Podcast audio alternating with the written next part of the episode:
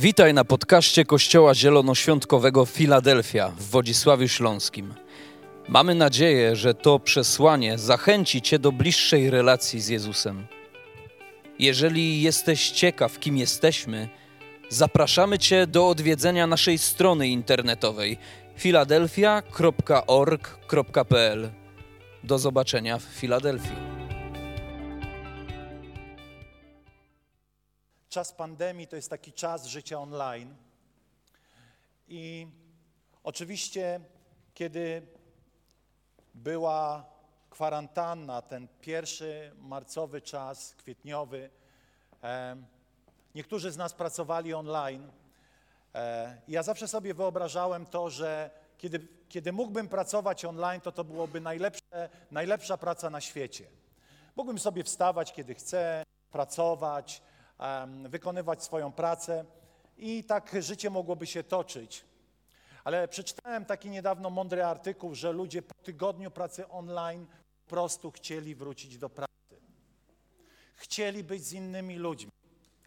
Mogli dalej pracować online, ale w nich była tęsknota za drugim człowiekiem, za tym, aby, aby móc się spotkać, aby pobyć ze sobą, aby czerpać z siebie nawzajem, aby cieszyć się życiem, robić rzeczy wzniosłe, robić głupoty. Po prostu życie jest, albo inaczej, przebywanie jest razem jest olbrzymią, jakby e, olbrzymią częścią naszego życia.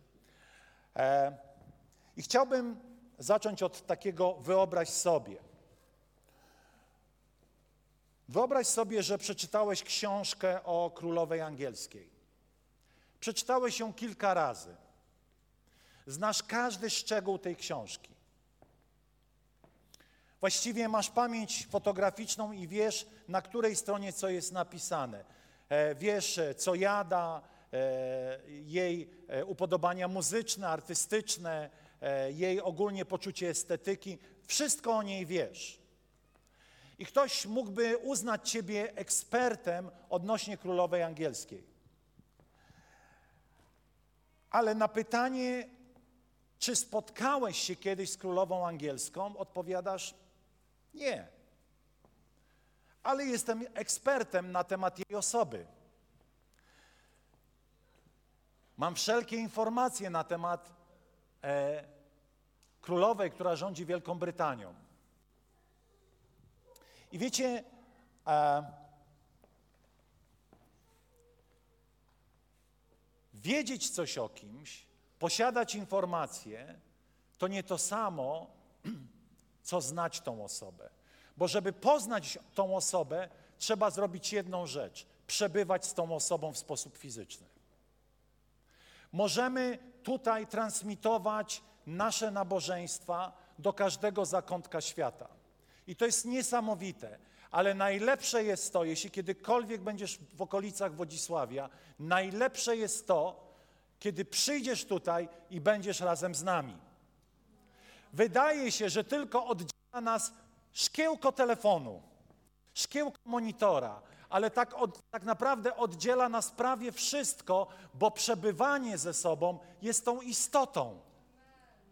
Nie da się w jakikolwiek sposób człowiekowi mm, zadośćuczynić tego, że nie może być z drugim człowiekiem.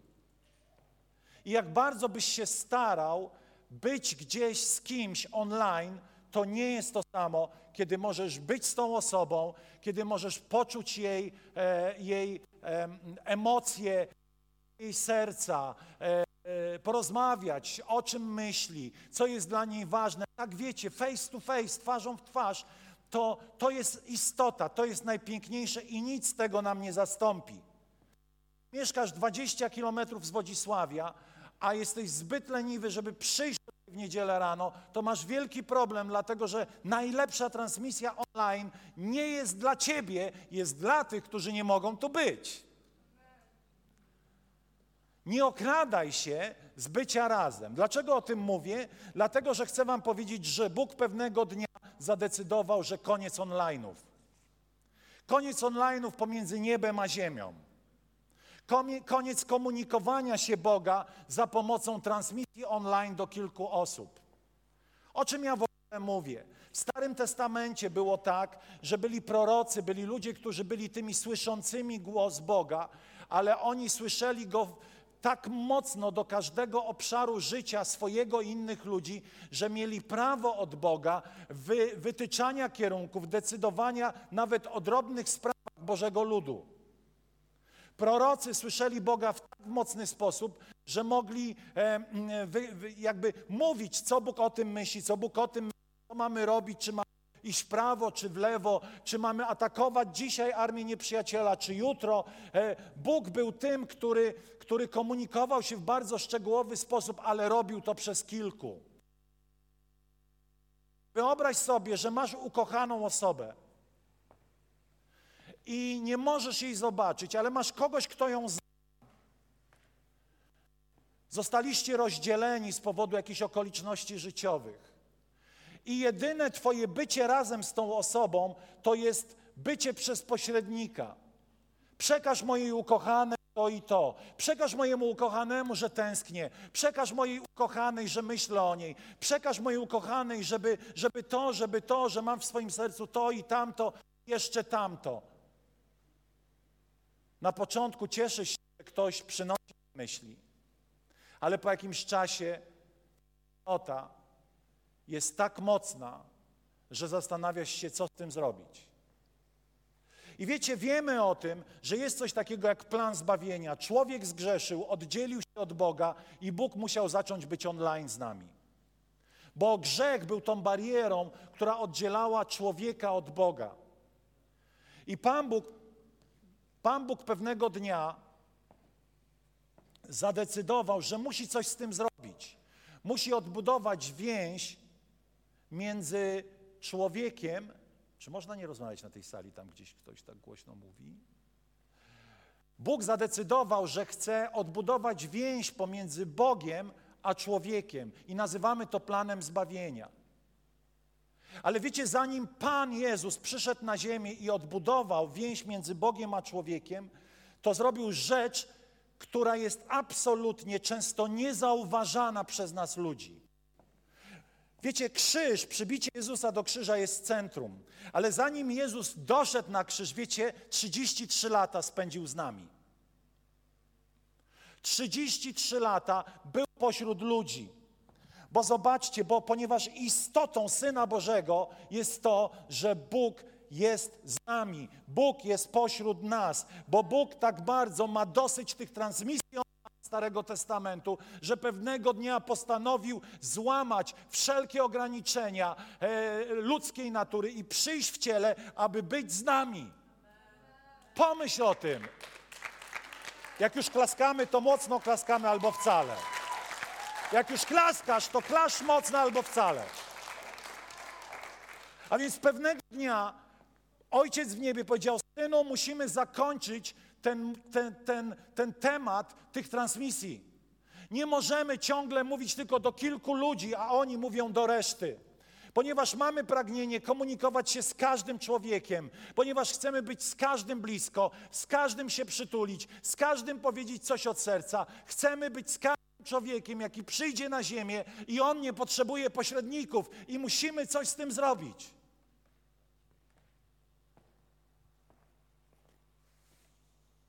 I oto Izajasz mówi, dlatego sam Pan dam, da wam znak.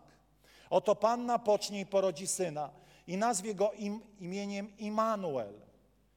I potem jest dalej, ewangelista Mateusz mówi tak, i, i gdy nad tym rozmyślał, oto ukazał mu się anioł we śnie pański i rzekł, Józefie, synu Dawidowy, nie lękaj się przyjąć Marii, żony swej, albowiem to, co się w niej poczęło, jest z Ducha Świętego.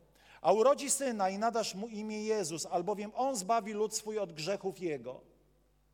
A to wszystko się stało, aby spełniło się słowo pańskie wypowiedziane przez proroka. Oto Panna pocznie i porodzi syna i nadadzą mu imię Immanuel, co się wykłada Bóg z nami. To się wykłada Bóg z nami, czyli Bóg jest po naszej stronie, ale także Bóg z nami, czyli Bóg tutaj z Tobą w tym świecie, w tym życiu, w tej rzeczywistości. Bóg ma tylko jedną misję: w końcu spotkać się z nami i być z nami. On, on, wiecie, i Bóg chce to zrobić w tą drugą stronę. On nie chce, żebyśmy tylko o Nim czytali. On nie chce być Bogiem oczytanym, poinformowanym o Bogu. Bóg nie chce, abyś był. Tak, jest dobrze mieć informacje. Ale Bóg chce, aby to wszystko, co o Nim wiesz, zamieniło się w doświadczenie, w przeżycie, w bliskość. Jeszcze raz powiem, w Bożej koncepcji między człowiekiem a Bogiem nie ma być informacja o Bogu, ale prawdziwa, intymna, ciepła, życiodajna więź. Wyobraź sobie, że ten, który stworzył niebo i ziemię, tytułuje tą całą misję Bóg z nami, Bóg z ludźmi. Bóg pośród ludzi, lawany mi sobie pójść. A nawet kiedy sobie poszedł, powiedział tak: Nie zostawię was sierotami. Zrobię większą aferę. Od tego momentu, kiedy Duch Święty przyjdzie zamiast mnie, już każdy z Was będzie mógł mieć kontakt z Bogiem, więź, relację taką, że jeszcze nie wiesz, jaką możesz mieć.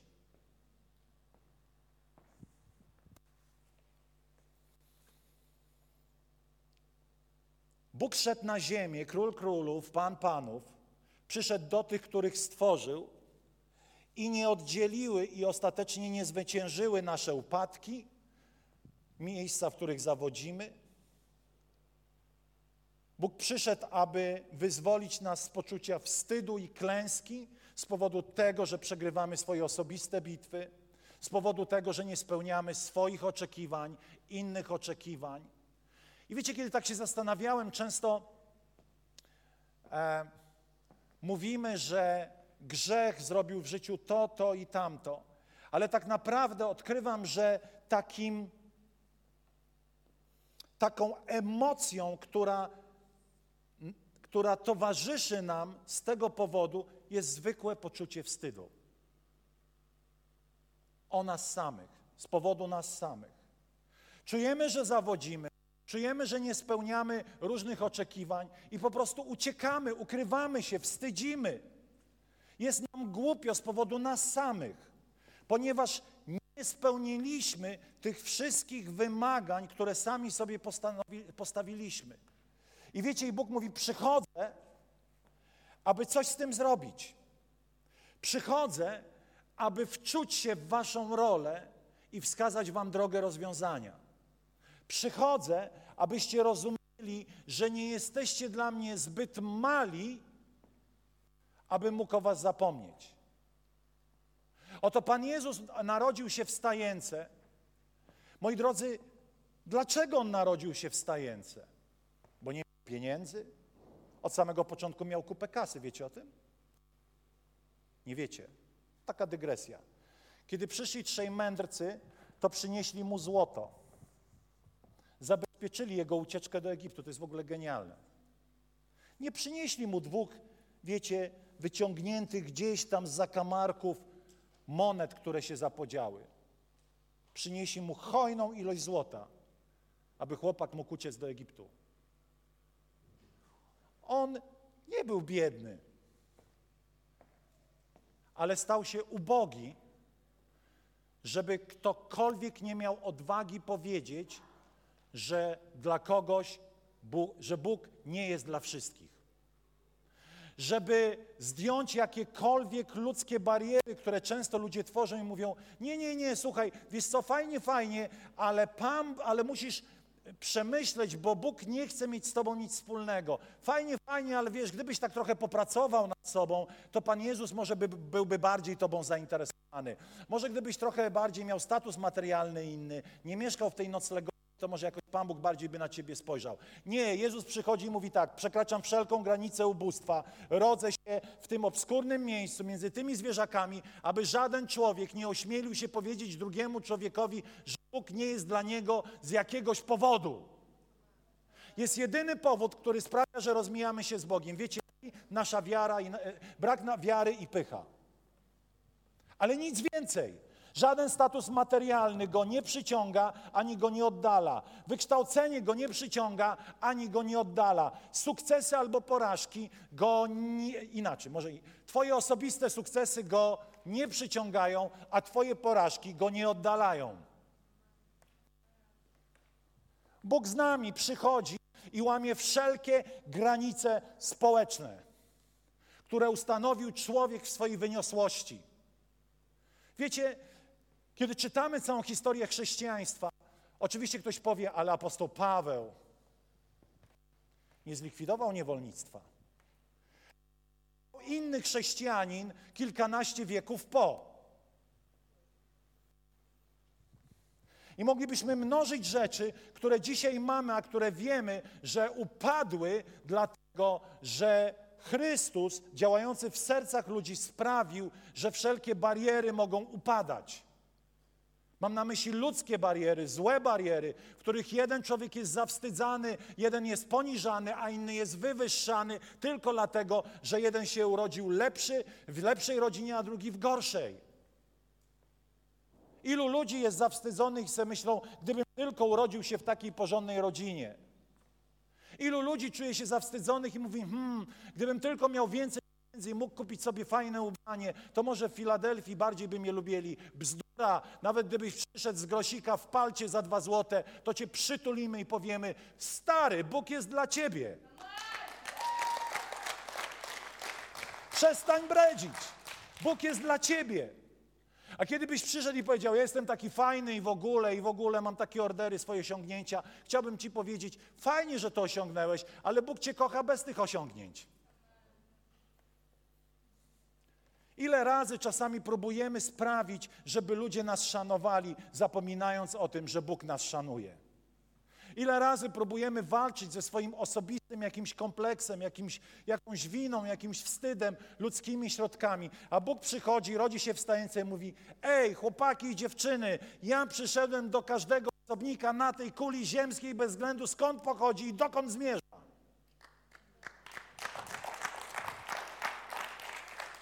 Jezus przyszedł na ziemię, przeżył 33 lata i chcę wam powiedzieć, żaden ludzki problem go nie minął. Często nam się wydaje, myślimy tak, Pan Jezus przyszedł na ziemię, był w ogóle wyobcowany z tej całej rzymskiej rzeczywistości, żył, żył w jakiejś bańce, ludzkie problemy go nie dotykały, nie wie co to rachunki, nie wie co to y, być głodnym, nie wie tego, nie wie tamtego, nie wie owego. Moi drodzy, Biblia mówi, że Jezus Chrystus został doświadczony we wszystkim, w czym człowiek w całych cały, w całym, w całym, e, w całej ludzkości mógłby zostać doświadczony za wyjątkiem tylko grzechu. Ale kiedy nawet walczył z grzechem, pokusą w swoim własnym życiu, nie walczył jako Bóg, tylko walczył jako człowiek. Kiedy Jezus przyszedł i był kuszony, to nie znaczy, że nagle odezwała w nim się boska moc Rambo i powiedział luz. Kiedy był kuszony, aby nie pójść na krzyż, jest napisane, że był taki stres w jego ciele, że jego naczynka krwionośne pękały. Czy ktoś miał taki stres? Ja jeszcze nie. A on już tam był. Był w miejscach, w których został zdradzony przez tych, którzy mu obiecali, że nigdy go nie zdradzą. Był w miejscach, opuszczenia, choć ludzie mówili, że nigdy go nie opuszczą. Dlatego Bóg wie, co to znaczy samotność w Twoim życiu. Bóg wie, co to znaczy odrzucenie w Twoim życiu z powodu czegoś. Bóg wie, co to znaczy doskwieranie wszystkich ludzkich, emocjonalnych problemów z powodu potrzeb, które nie są zaspokojone przez innych ludzi. On to doskonale wie. Zna to, przeszedł przez to. Jedyne, czego nie zrobił, to nie zgrzeszył w tych miejscach. Nie pozwolił, aby gorycz zniszczyła jego życie, aby jakaś chęć rewanżu zniszczyła jego życie, nienawiść, nieprzebaczenie wobec Piotra, który go zdradził, nawet nieprzebaczenie wobec Judasza. To nie był odrealniony facet, który nie był kuszony. Był kuszony najmocniej, jak człowiek może być kuszony. Wiecie dlaczego? Bo po jednej stronie była pokusa, była przyjemność, była ulga, której mógł doświadczyć, pozwoląc się skusić, a po drugiej stronie miliardy ludzi, które miały zostać uratowane od potępienia. Jeśli Jezus by skusił, nie mógłby być zbawicielem, ponieważ byłby grzeszny. Tylko bezgrzeszny człowiek mógł zostać złożony w ołtarzu za grzeszną ludzkość. I wyobraź sobie, stoisz przed wyborem, albo dać sobie ulżyć, niech już będzie spokój, jestem głodny, chce mi się pić, diabeł mnie kusi, jeszcze da mi jakieś królestwa, czyż nie powinienem z tego skorzystać? Ale co zrobić z tymi, którzy pójdą na potępienie? Co zrobić z tymi, których złożę na ołtarzu swojej własnej przyjemności? Moi drodzy bracia i siostry, chrześcijaństwo nie jest o przyjemnościach. Dlatego, że jeśli chcesz wstępować w Jego ślady, to musisz czasami podjąć decyzję kompletnie niekorzystną dla Ciebie, ale wartą z powodu wyższych profitów, niekoniecznie Twoich, ale może innych ludzi. Czasami będziesz musiał zdecydować, złożyć na ołtarzu osobiste szczęście w imię szczęścia innych ludzi. To jest chrześcijaństwo. Zbyt bardzo skoncentrowaliśmy się na tym, żeby nam było dobrze. Robimy tyle błędów, żeby nam było dobrze. Dopóki jesteś na ziemi, nie zawsze ci będzie dobrze i nie zawsze ci będzie fajnie. Ale Bóg obiecuje, Bóg mówi jedno: byłem w tym miejscu i nie zostawię cię. Ale pewnego dnia wejdziesz do miejsca, w którym będzie tylko pięknie. Nie histeryzuj, kiedy nie wszystko się układa. Nie histeryzuj się, kiedy Twoje życie nie jest baśnią, bo ludzie robią to, ludzie robią tamto. Tak po prostu bywa. Ale my żyjemy dla większej sprawy. Jeśli złożyłeś szczęście z powodu innych, czasami bliskich, pewnego dnia to szczęście znajdziesz.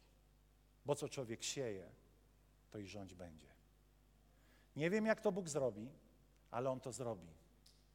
I pamiętamy, że jest napisane, że Jezus uniżył się, zszedł na ziemię, cierpiał, był wyśmiewany, był poniżany, przeszedł drogę, którą my przychodzimy, przechodzimy i potem jest napisane, a potem Pan Bóg wielce go wywyższył jak nikogo.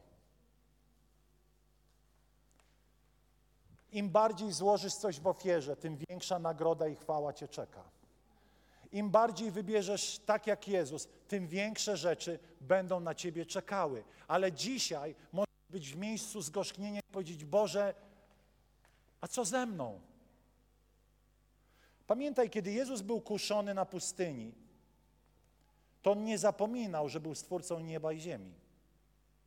I pomyślał sobie, a po co ja mam się użerać z tym diabłem? Dam sobie odpał i będzie spokój. Ale on to zrobił dla nas. Dla nas przeszedł tą drogę. Wiecie też, dlaczego przeszedł tą drogę całą? Dlaczego żył 33 lata? Bo chciał ci pokazać, że nie jest odrealniony. Tak, żył w odrealnionym miejscu, jakim jest niebo. W tym sensie, że to jest miejsce najcudowniejsze. Czeka ono na ciebie. Ale zszedł na ziemię, ponieważ tak bardzo chce być z tobą. A więc on jest blisko ludzkich problemów. Był blisko ludzkich pokus. Był blisko ludzkiego cierpienia, bo Biblia mówi, że był nazwany, czy był nazywany, można powiedzieć, parafrazując, człowiek cierpienie. Ktoś mógłby powiedzieć, jak patrzę na Jezusa, to myślę tylko jednym: cierpienie. Mąż boleści. Został tak cierpiał, kiedy szedł na krzyż. I wiecie, nie cierpienie fizyczne było najgorsze. Czasami to jest żałosne, kiedy niektórzy tak bardzo tłumaczą, jak Jezus cierpiał. On cierpiał, ale on powiedział: Nie płaczcie nade mną, było gorsze cierpienie. I każdy, kto doświadczył przemocy psychicznej, wie, że jest większe cierpienie niż ból fizyczny. Kiedy kobieta opowiada o swoim mężu oprawcy, mówi tak: Wolałabym, żeby mnie uderzył, niż psychicznie się nade mną znęcał.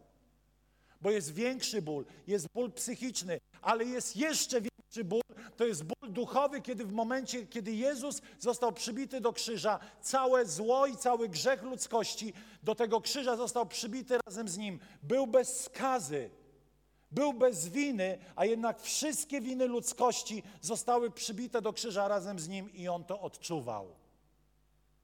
Odczuwał całe zło świata, które człowiek uczynił. Jeden człowiek na krzyżu musiał odczuć całe zło świata i wziąć je, aby ono zostało raz na zawsze przebaczone. Mąż cierpienia. I powiem Wam tak. Znam ludzi, którzy bardzo cierpieli. Przechodzili olbrzymie cierpienia.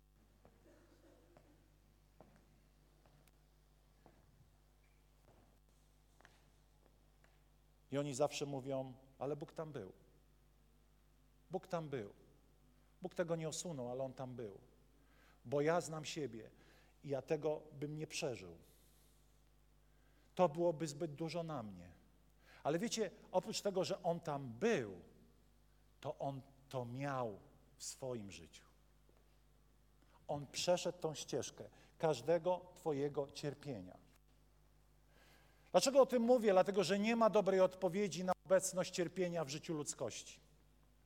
Nie ma dobrej odpowiedzi na pytanie, skoro Bóg, skoro Bóg jest dobrym Bogiem, to dlaczego złe rzeczy spotykają Jego dzieci? Nie ma na to dobrej odpowiedzi, ale jest jedna odpowiedź, która absolutnie uspokaja moje serce, że On przeszedł to samo.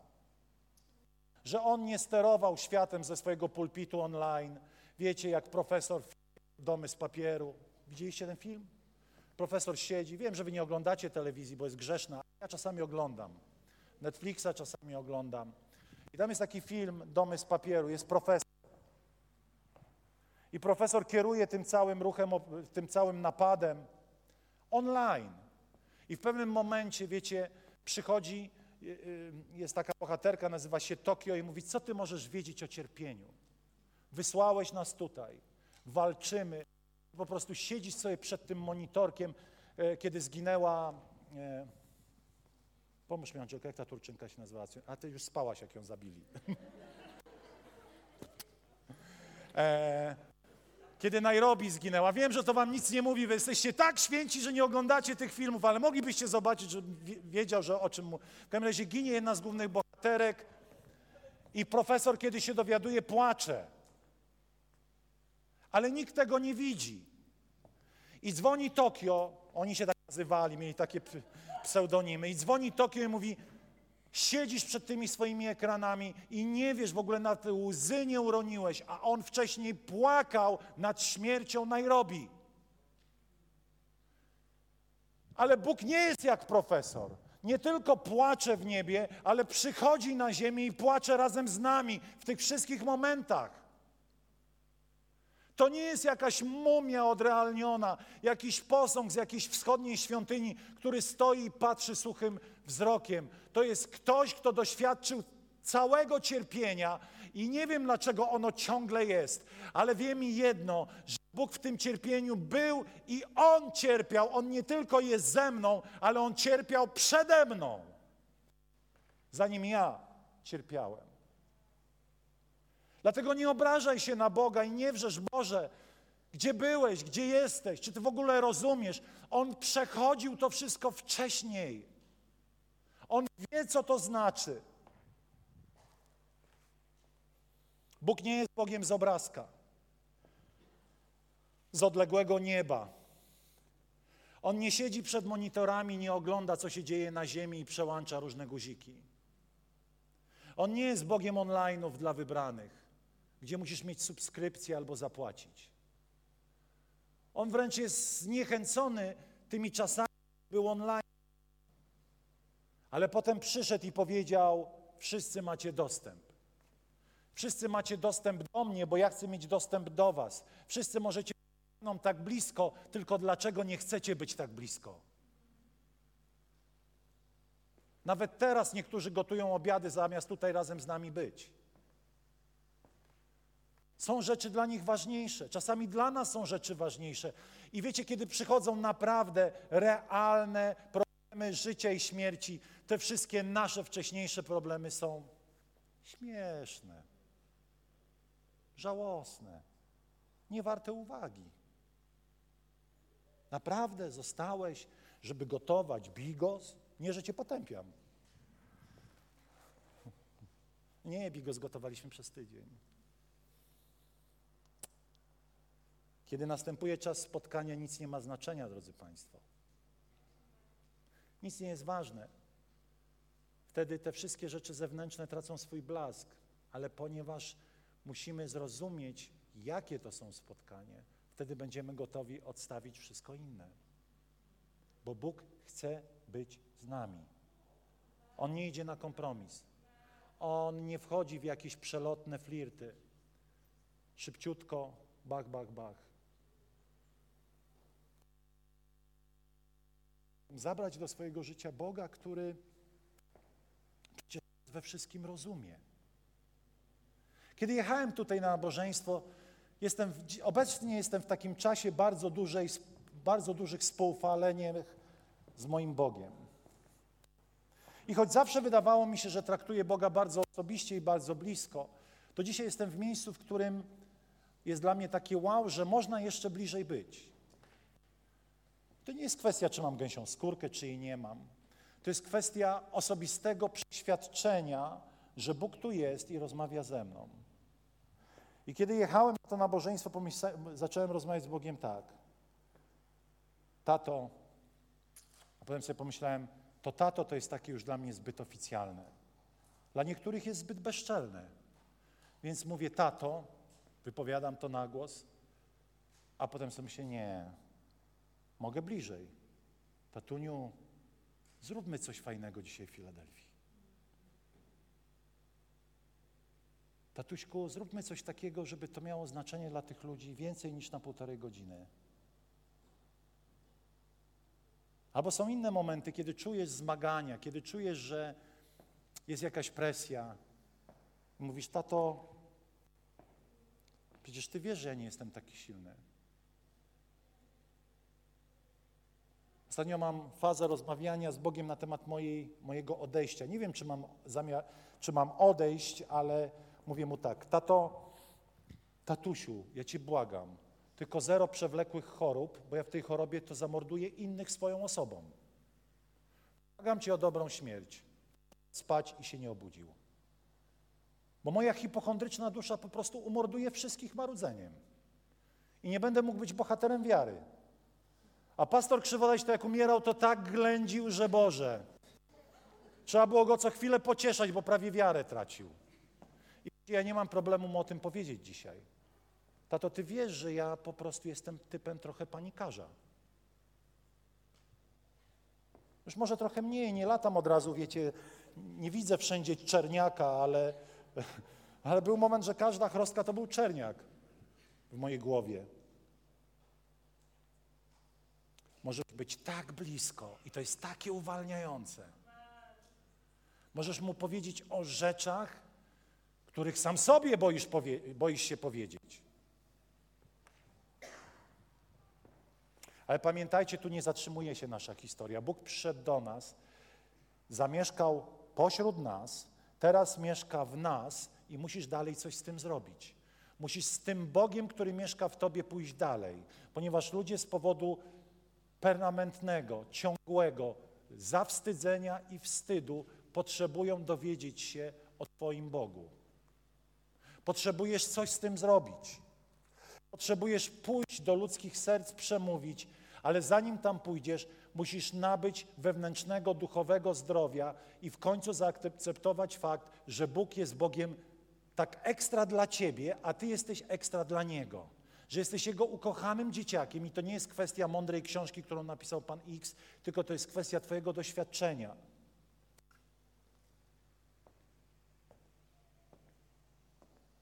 Wiecie, Bóg jest wielkim Bogiem. Jest twórcą nieba i ziemi. Jego majestat jest potężny. Czasami, kiedy On się objawia, to drżą posady. Ale też mówi, pozwólcie dzieciom przychodzić do mnie. Widzieliście, jak dzieci przychodzą do rodziców, który, z którymi czują się bezpiecznie? Bam na kolana. Tato, tato, tato. Takie są dzieci. Jakby moje dziecko przyszło i przepraszam cię, ojcze.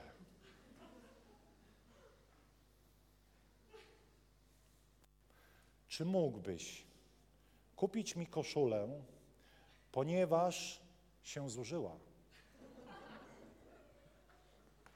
Tato, nie śmie Cię prosić o zbyt wiele, bo jesteś skąpy. Więc taką z tego, z Pepko, najtańszą. Jest jeszcze tańszy sklep od Pepko? Z, w Grochu teraz jest drogo. Czy chcielibyśmy, żeby nasze dzieci tak przychodziły? Ale kiedy zaczniesz rozumieć, że jesteś ukochanym dzieciakiem Stwórcy nieba i ziemi, wszystko się zmienia. Nawet jeśli inni cię odrzucają, ty jesteś przemieniony w swoim wnętrzu, jesteś zdrowy. Tylko zdrowi ludzie przyniosą zdrowym ludziom, a więc odrzuć winę, odrzuć wstyd, odrzuć samopotępienie, ponieważ wiesz, że jesteś kochany. Po drugie, idź do ludzi i przynieś im nadzieję bez warunków wstępnych.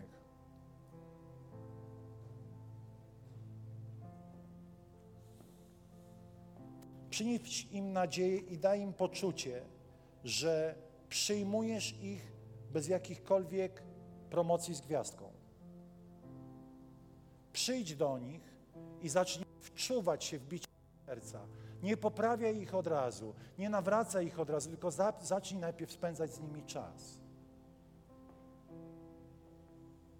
Przytulaj ich, wysyłaj im dobre informacje, dobre wiadomości.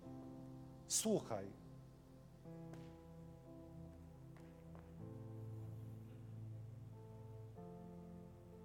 Kiedyś Gandhi powiedział tak: Gdyby chrześcijanie robili to, w co wierzą, cały świat leżałby u ich stóp. Ale wierzę, że to się może wydarzyć. Wierzę, że możemy nie tylko opowiadać wzniosłe rzeczy o Bogu, że Go tylko znać z daleka, ale że wiemy, znamy Go, jesteśmy z Nim blisko i przynosimy tego bliskiego Boga, który jest z nami, Bogiem codzienności, przynosimy do życia innych ludzi. Powstańmy. A jeszcze kolenda będzie, tak? A. Dobrze. Chciałbym w taki proroczy sposób modlić się, abyś doświadczył objawienia bliskości Ojca, taty, tatusia, tatunia. Nazwij sobie, jak, jak bardzo chcesz figlarnie Ojca w niebie. I nie mówcie mi o tych wszystkich Jego wspaniałych tytułach, to znam. Nie mówcie mi o tym, że wiecie, jak Mojżesz wszedł na górę i tak dalej. Ja to wszystko znam. Poszedł, potem przyszedł w Jezusie Chrystusie i jadł z ludźmi. I jak to pogodzisz?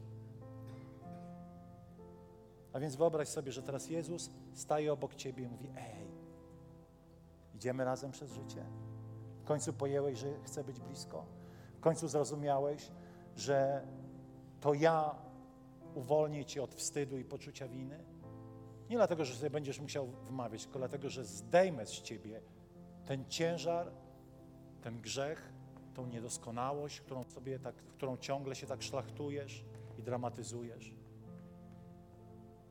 Chciałbym modlić się teraz, aby, aby to, to przygniatanie samego siebie, ten wstyd, ta wina, to wszystko odeszło od Ciebie teraz w imieniu Jezusa, ponieważ zrozumiesz, że Bóg to zabiera, że Bóg jest blisko, że Bóg się troszczy. Ojcze, modlę się teraz, aby ludzie w Filadelfii mieli zdrowe dusze poprzez to, że pojmą, że są Twoimi ukochanymi dzieciakami, że Ty złamałeś wszystkie bariery ludzkie, które ludzie myśleli, wyobrażenia, aby być z nami, by z nami jadać, aby z nami dzielić dzień i noc, aby dzielić z nami pracę i odpoczynek, ponieważ jesteś Bogiem zwyczajnych ludzi, których zamieniasz w niezwyczajnych. Jesteś Bogiem zwyczajnej codzienności, która staje się cudowna.